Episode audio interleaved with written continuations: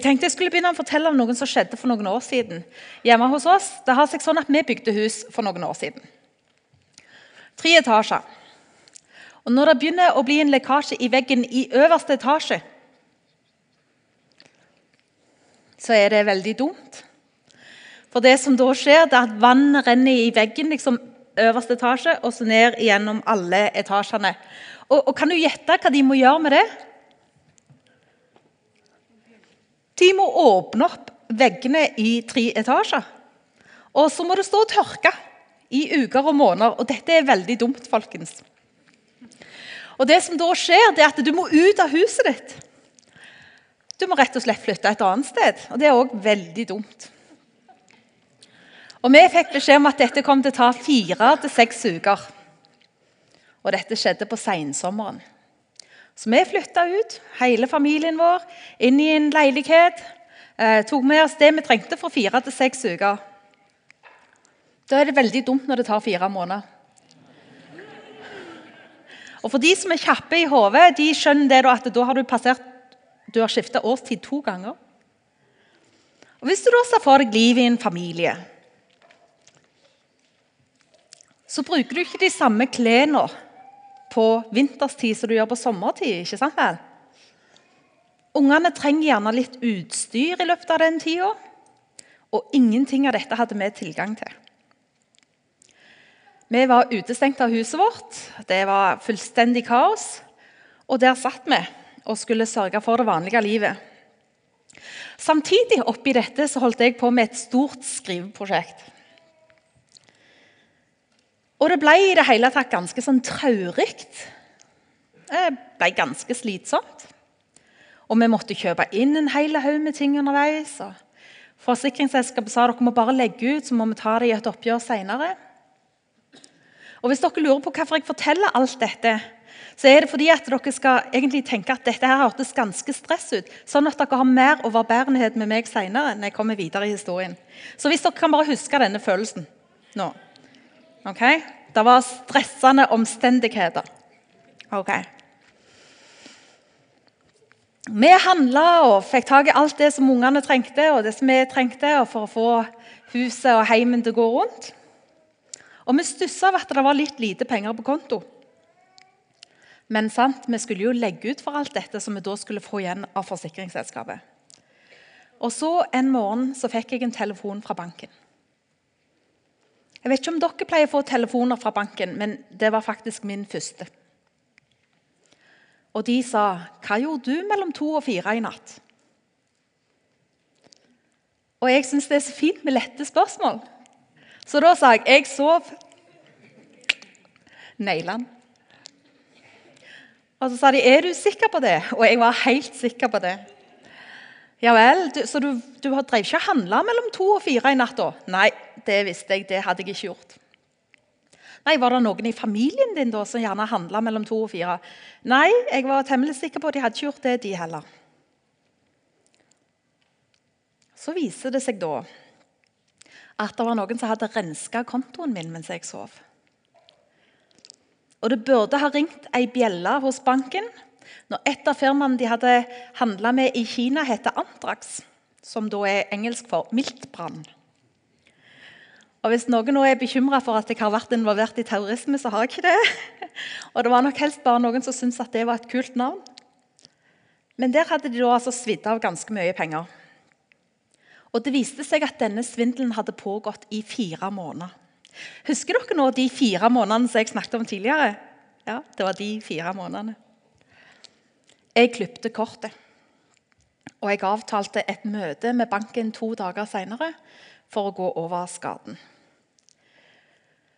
Da jeg kom, så hadde de ei liste der de hadde markert ut med gul tusj. Og det hadde jeg òg gjort hjemme. Og de hadde funnet 40 ekstraordinære bevegelser.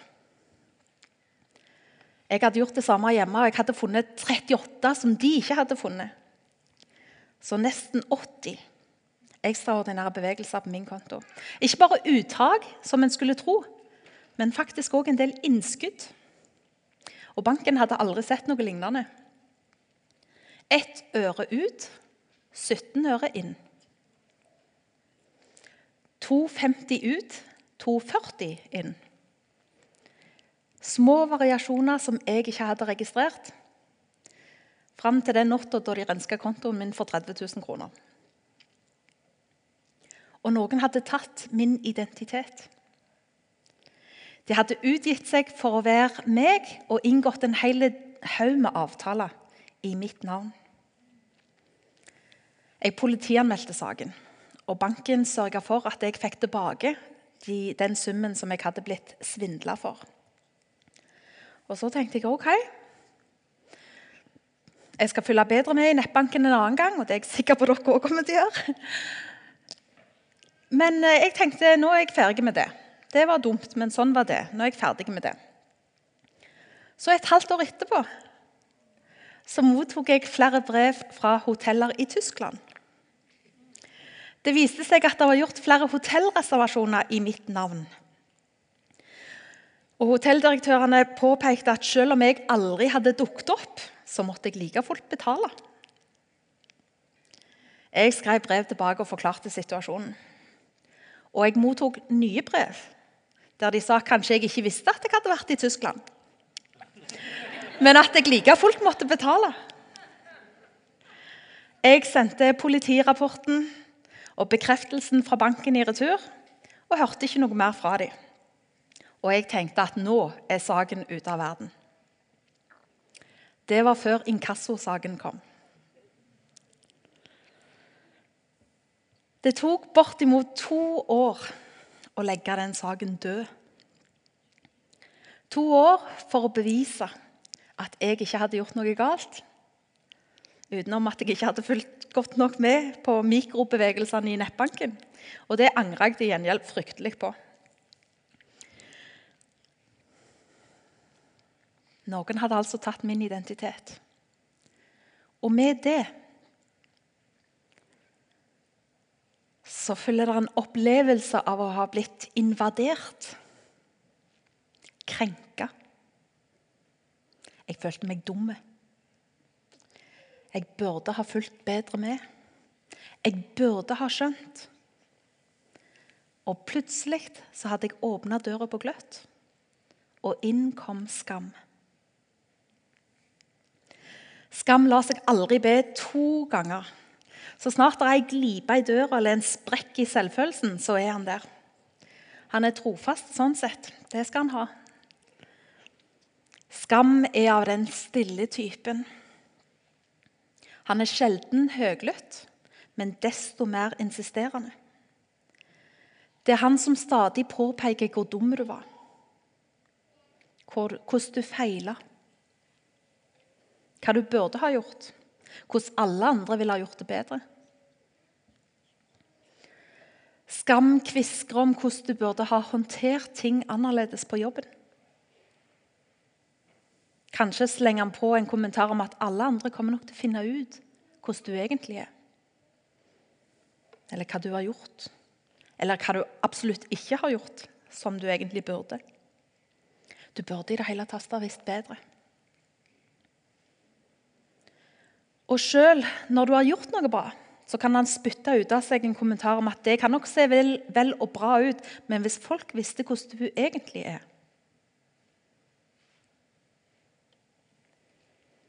Det kan nok være at du har fått det til i næringslivet, men hvor var du da datteren din spilte fotballkamp? Eller hvor var du da faren din ble gammel og alene?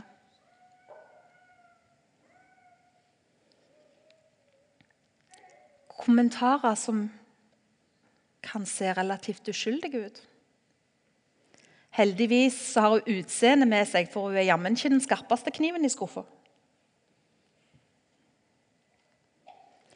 Det er iallfall godt at han er en god arbeidskar. Han har iallfall det. Kompliment med innbakt brodd. Som såra, gjorde skade, etterlot arrvev.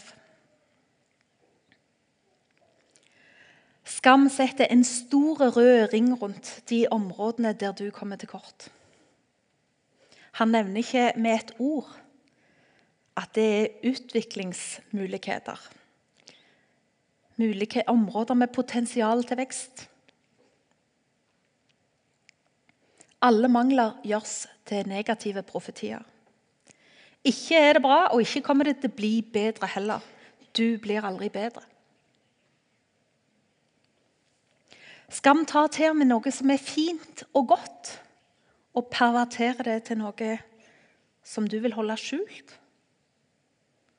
Noe som er vanskelig. Noen som ingen andre må få vite om.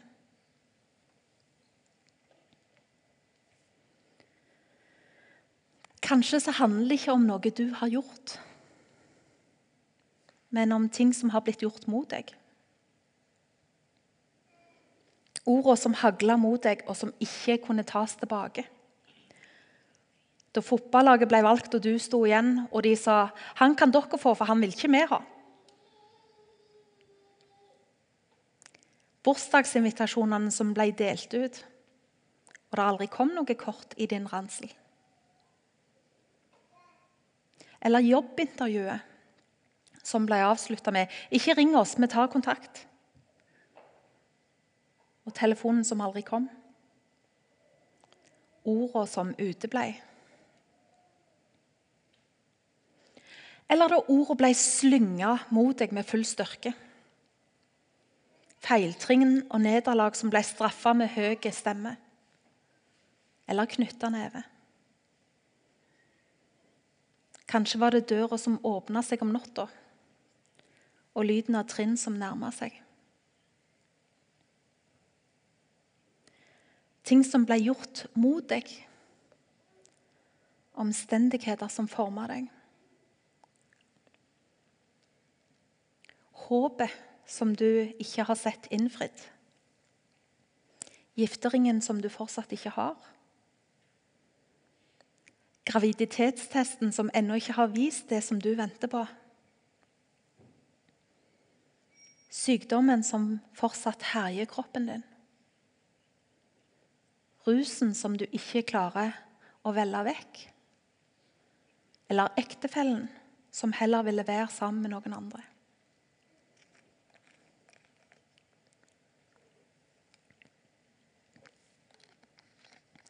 Med mindre vi har et bevisst forhold til alt dette, så står vi i fare for å la det definere oss. Vi tar imot disse merkelappene, og så lar vi de følge oss. Som regel så skjer det over tid. Uten at du merker det sjøl, så har du latt det definere deg. Mikrobevegelser. Du er den som aldri ble valgt. Den som ingen vil være sammen med. Den som ikke fortjener noe godt. Som ikke fortjener å helbredes. Som kanskje fortjener kjeften, slagene, overgrepene. Du som ikke er verdt å elskes den som ingen vil investere i. Som ikke har noe godt å tilføre. Hva har du latt definere deg?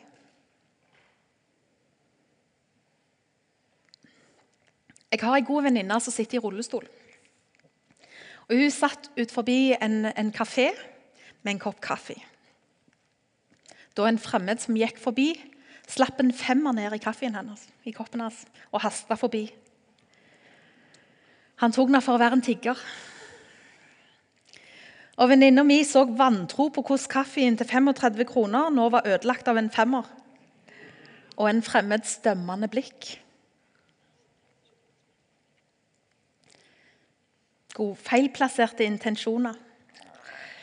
Heldigvis så forandra ikke det hvordan hun så på seg sjøl. Hun vente seg bare til å legge ei hånd over kaffen når folk gikk forbi.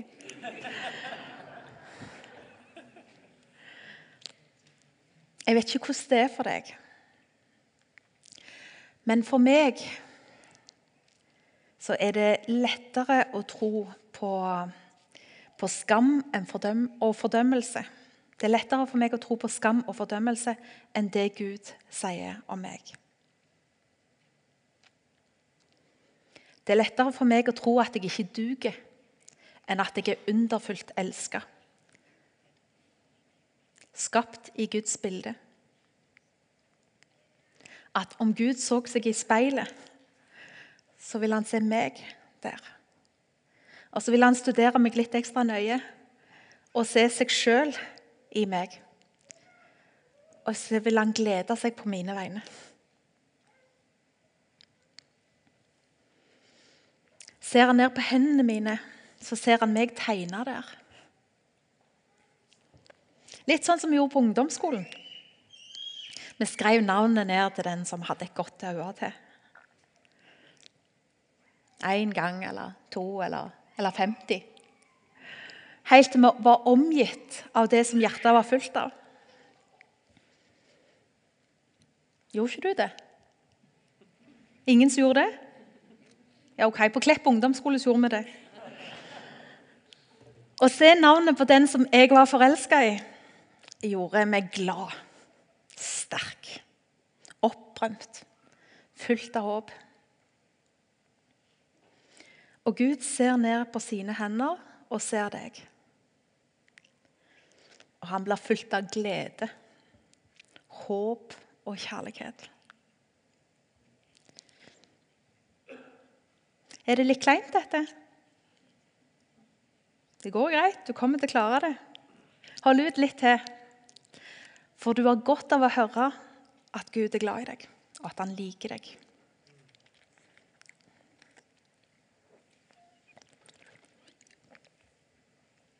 Da jeg gikk gravid, så snakket mannen min med barnet vårt. Og da han ble født, så kjente han allerede farens stemme. Han lytta og roa seg ned ved lyden av min stemme eller Thomas' stemme. Og han merka at han var elska. På samme måte så sang Gud over deg allerede før du ble født. Til og med før du ble danna i mors mage, så kjente han deg. Før du så lys. Før du trakk et eneste pust, så var det en som hadde tegna deg i hendene sine. Som skrøt uhemma av deg. Som var så begeistra at han fortalte om deg til alle. Du skjønner, din verdi fastsettes av Gud. Det er ikke hvordan du ser ut, eller hva du gjør, som avgjør hvem du er. Det er heller ikke det som har blitt sagt om deg, som avgjør hvem du er. Det er Gud. Og Noen sa en gang at om, om Gud skulle sette en prislapp på, hvor mye du er verdt, så vil det ikke stå 1 million eller 100 millioner eller 52 hvis du har en litt dårlig dag. Men det stå Jesus på prislappen din. Det er så mye du er verdt. Jesus ga sitt liv for at du skulle få leve. Og ved hans død og oppstandelse så fikk du rett til å leve livet sammen med Gud. Han spurte deg ikke om hva du syns du fortjener. Han gjorde bare det som var sant, godt og rett. For det er sånn han er. Denne høsten har vi bodd i teksten i Lukas 15. Noen som har fått med seg det? I alle år har denne teksten hatt overskriften 'Den fortapte sønn' eller 'Den bortkomne sønn'. Vi har hørt om sønnen som karra til seg arva, som nærmest ønska faren død for at han skulle få leve livet sånn som han ønska om valgene han tok, som førte til ulykke, til ensomhet, til tap. Om denne sønnen som begynner på den tunge veien hjem for å be om nåde. Men i den nye bibeloversettelsen så har denne teksten en annen tittel. Det handler ikke lenger om den fortapte eller den bortkomne sønnen. Det handler om sønnen som kom hjem. Plutselig så er rammene endra. Får du med deg det? Vi ser det ikke lenger fra sønnen sitt ståsted, men vi ser det fra Guds perspektiv. For han så var aldri denne sønnen bortvist, utstøtt eller uønska. Han var elska, etterlengta, savna. Og jeg ser for meg en far som står ute på gårdsplassen, som speider, myser gjennom støvet. Så han noe der borte? Nei, det var visst noen andre. Ikke den han venta på. Ikke den han lengta etter. Og fra tid til annen mens han står der, så roper han ut 'Du er ikke det du har gjort'. Du er ikke det som har blitt gjort mot deg. Kom hjem. Jeg vil bare du skal komme hjem.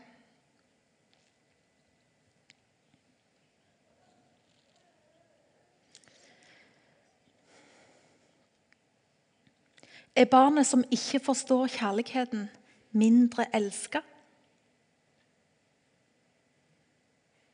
Nei. Jeg vet at en mors kjærlighet ikke endrer seg selv om barnet er borte. På samme måte så holder pappahjertet fast ved håpet og den ubetinga kjærligheten. Gud er en far som elsker som venter. Som speider etter sitt barn. Han er selve legemliggjøringen, selve definisjonen på kjærligheten som utholder alt. Tror alt, håper alt, tåler alt.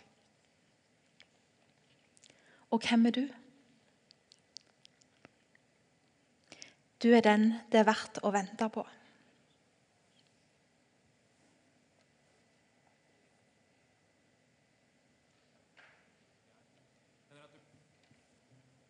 At du ble lei av firelivet ditt. Det ble jeg. Eller jeg burde kanskje si jeg blei det. Eh, For greia er det at du lever livet ditt, og så dør foreldra dine, og så arver du det de har bygd seg opp gjennom et langt liv. Men det var ikke egentlig godt nok for meg, for jeg ville jo leve livet mitt nå.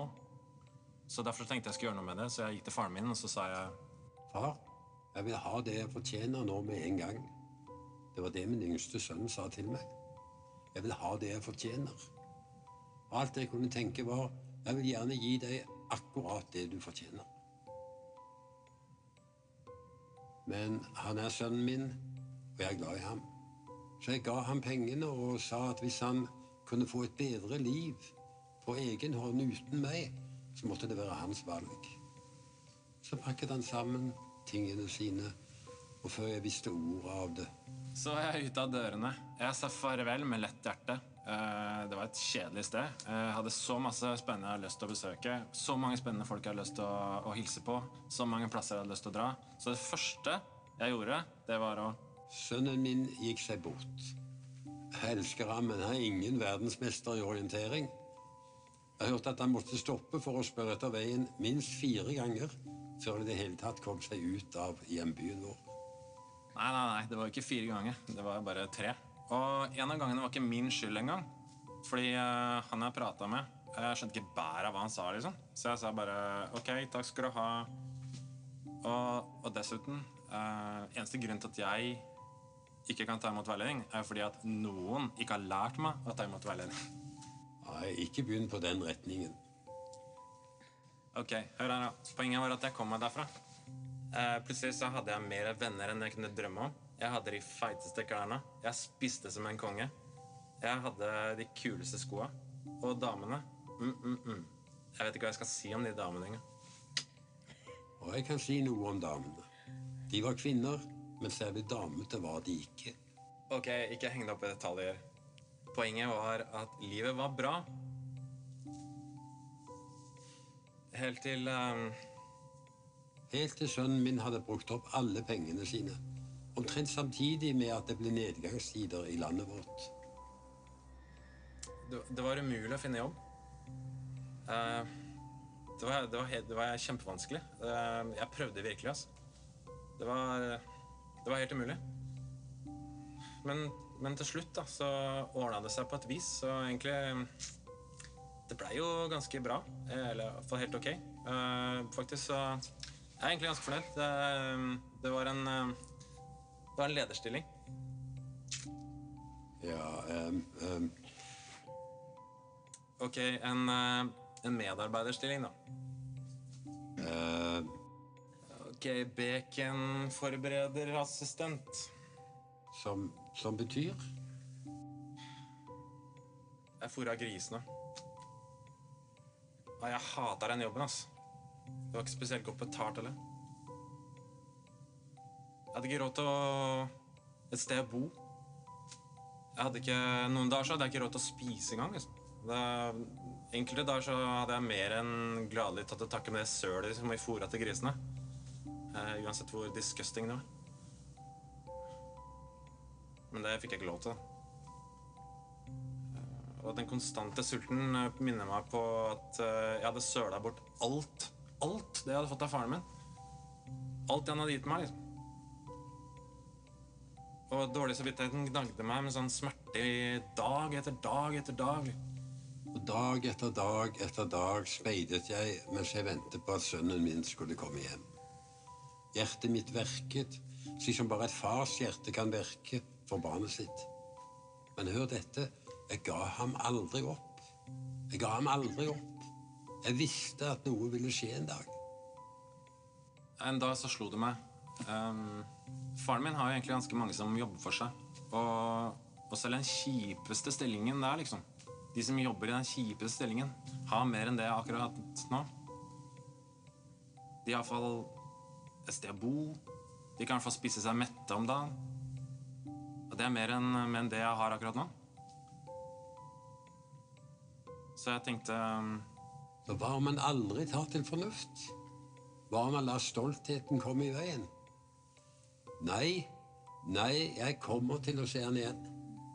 Igjen og igjen så raste tankene gjennom huet mitt eh, mens jeg begynte å, å gå på veien hjem til faren min. Jeg visste jo hva jeg måtte gjøre. Jeg hadde jo planen klar.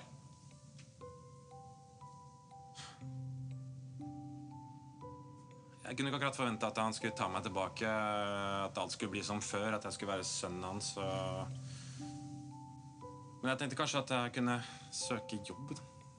Hos ham. Kanskje, kanskje han ville gå med på at jeg At jeg jobba der. liksom. Kanskje i dag den dagen da min sønn kommer hjem. Det var det jeg sa til meg selv hver morgen. Kanskje. Kanskje i dag den dagen da jeg får se ham langt der borte mens han kommer gående hjem. Hjem. Det, det ordet betyr så mye.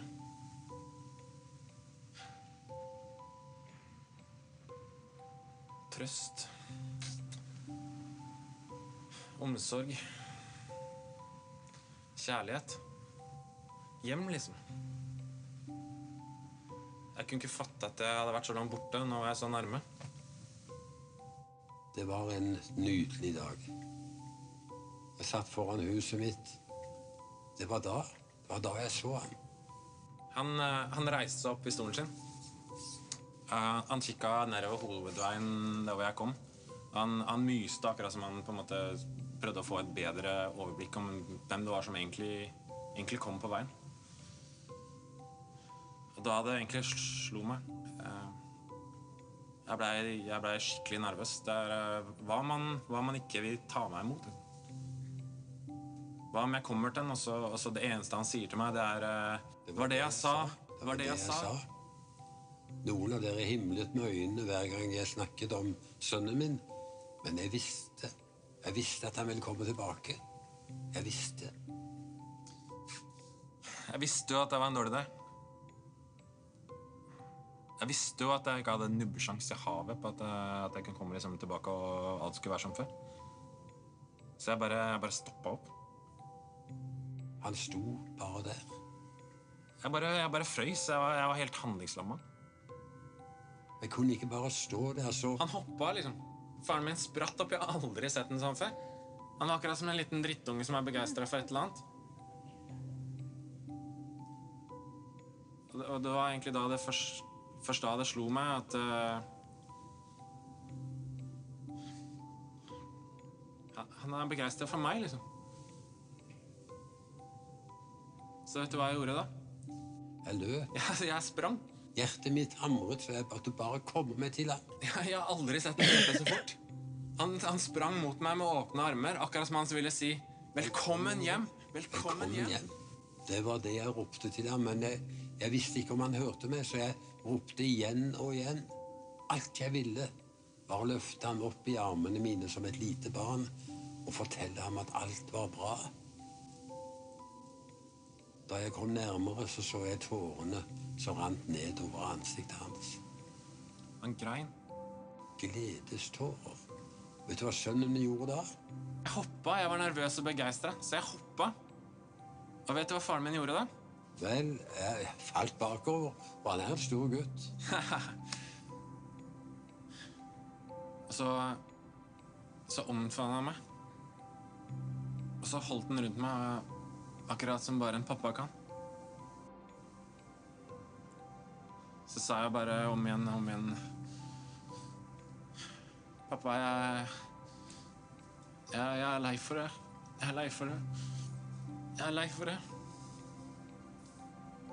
Jeg fortjener ikke å bli kalt sønnen din. Sønnen min er hjemme. Gi ham rene klær. Stell til et måltid. Nei, en fest. Min sønn skal ikke lenger leve som en farløs. Alle mine håp er blitt virkelighet. Ja, det var vel håp. Håp som fikk meg til å begynne på veien hjem. Eh, håp som fikk meg til å fullføre reisa. Et håp om at eh, At faren min eh, ville ta meg tilbake. At jeg på en eller annen måte kunne bli tilgitt. Tilgitt. Alt er tilgitt. Jeg kommer aldri til å dra fram dette igjen. Her er det ingen skam, det er ingen skyld. Min sønn var borte, men nå er han kommet hjem.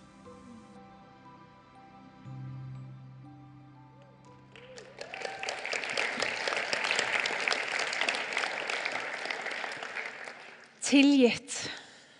Alt er tilgitt. Her er det ingen skam, ingen skyld. Du har en far som venter på deg med åpne armer. Som står klar til å ta imot deg. Som sier 'Jeg har venta på deg'. Hele denne tida så har jeg elska deg. Du er den jeg elsker. Du er elska med en sånn ekstravagant kjærlighet. En kjærlighet som gir alt og litt til. En kjærlighet som omgir deg, omslutter deg, og som du aldri kan falle ut av, uansett hvor mye du kaver. Og hvem er så du? Du er den som er velkommen hjem. Vi går mot slutten. La oss reise oss opp.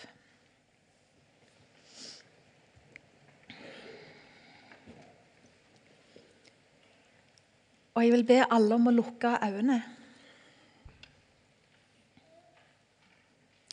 Hvis du er her som ikke har tatt imot Jesus, men som kjenner at du har vandra lenge nok og er klar til å komme hjem til Gud, så kan du rette opp hånda di nå.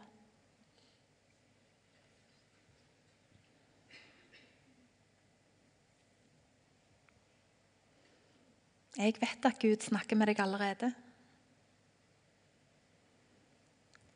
Han har venta på deg og elska deg, og han ønsker deg velkommen hjem. Hvis du retter opp hånda di, så bare hold den opp litt, så er vi sikre på at jeg får sett deg.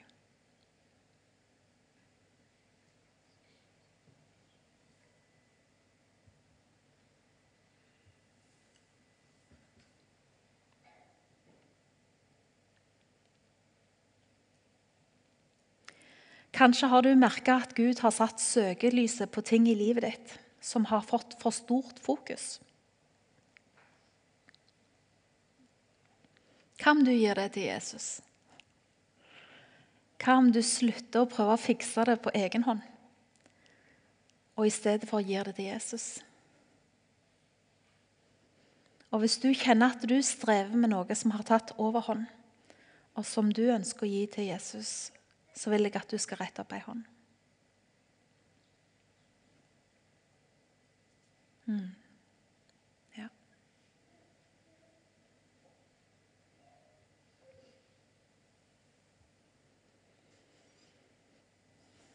Vi skal be sammen.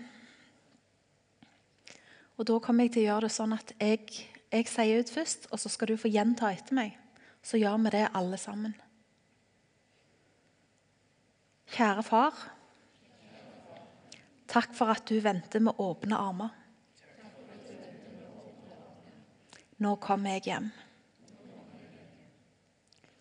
Tilgi meg det som jeg har gjort galt.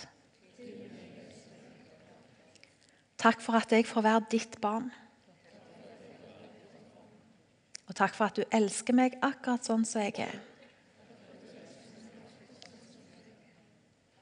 Takk for at jeg aldri kan falle ut av din kjærlighet. Jeg vil følge deg, Jesus. Og jeg legger mitt liv i dine hender. Takk for at du aldri vil svikte meg. Amen.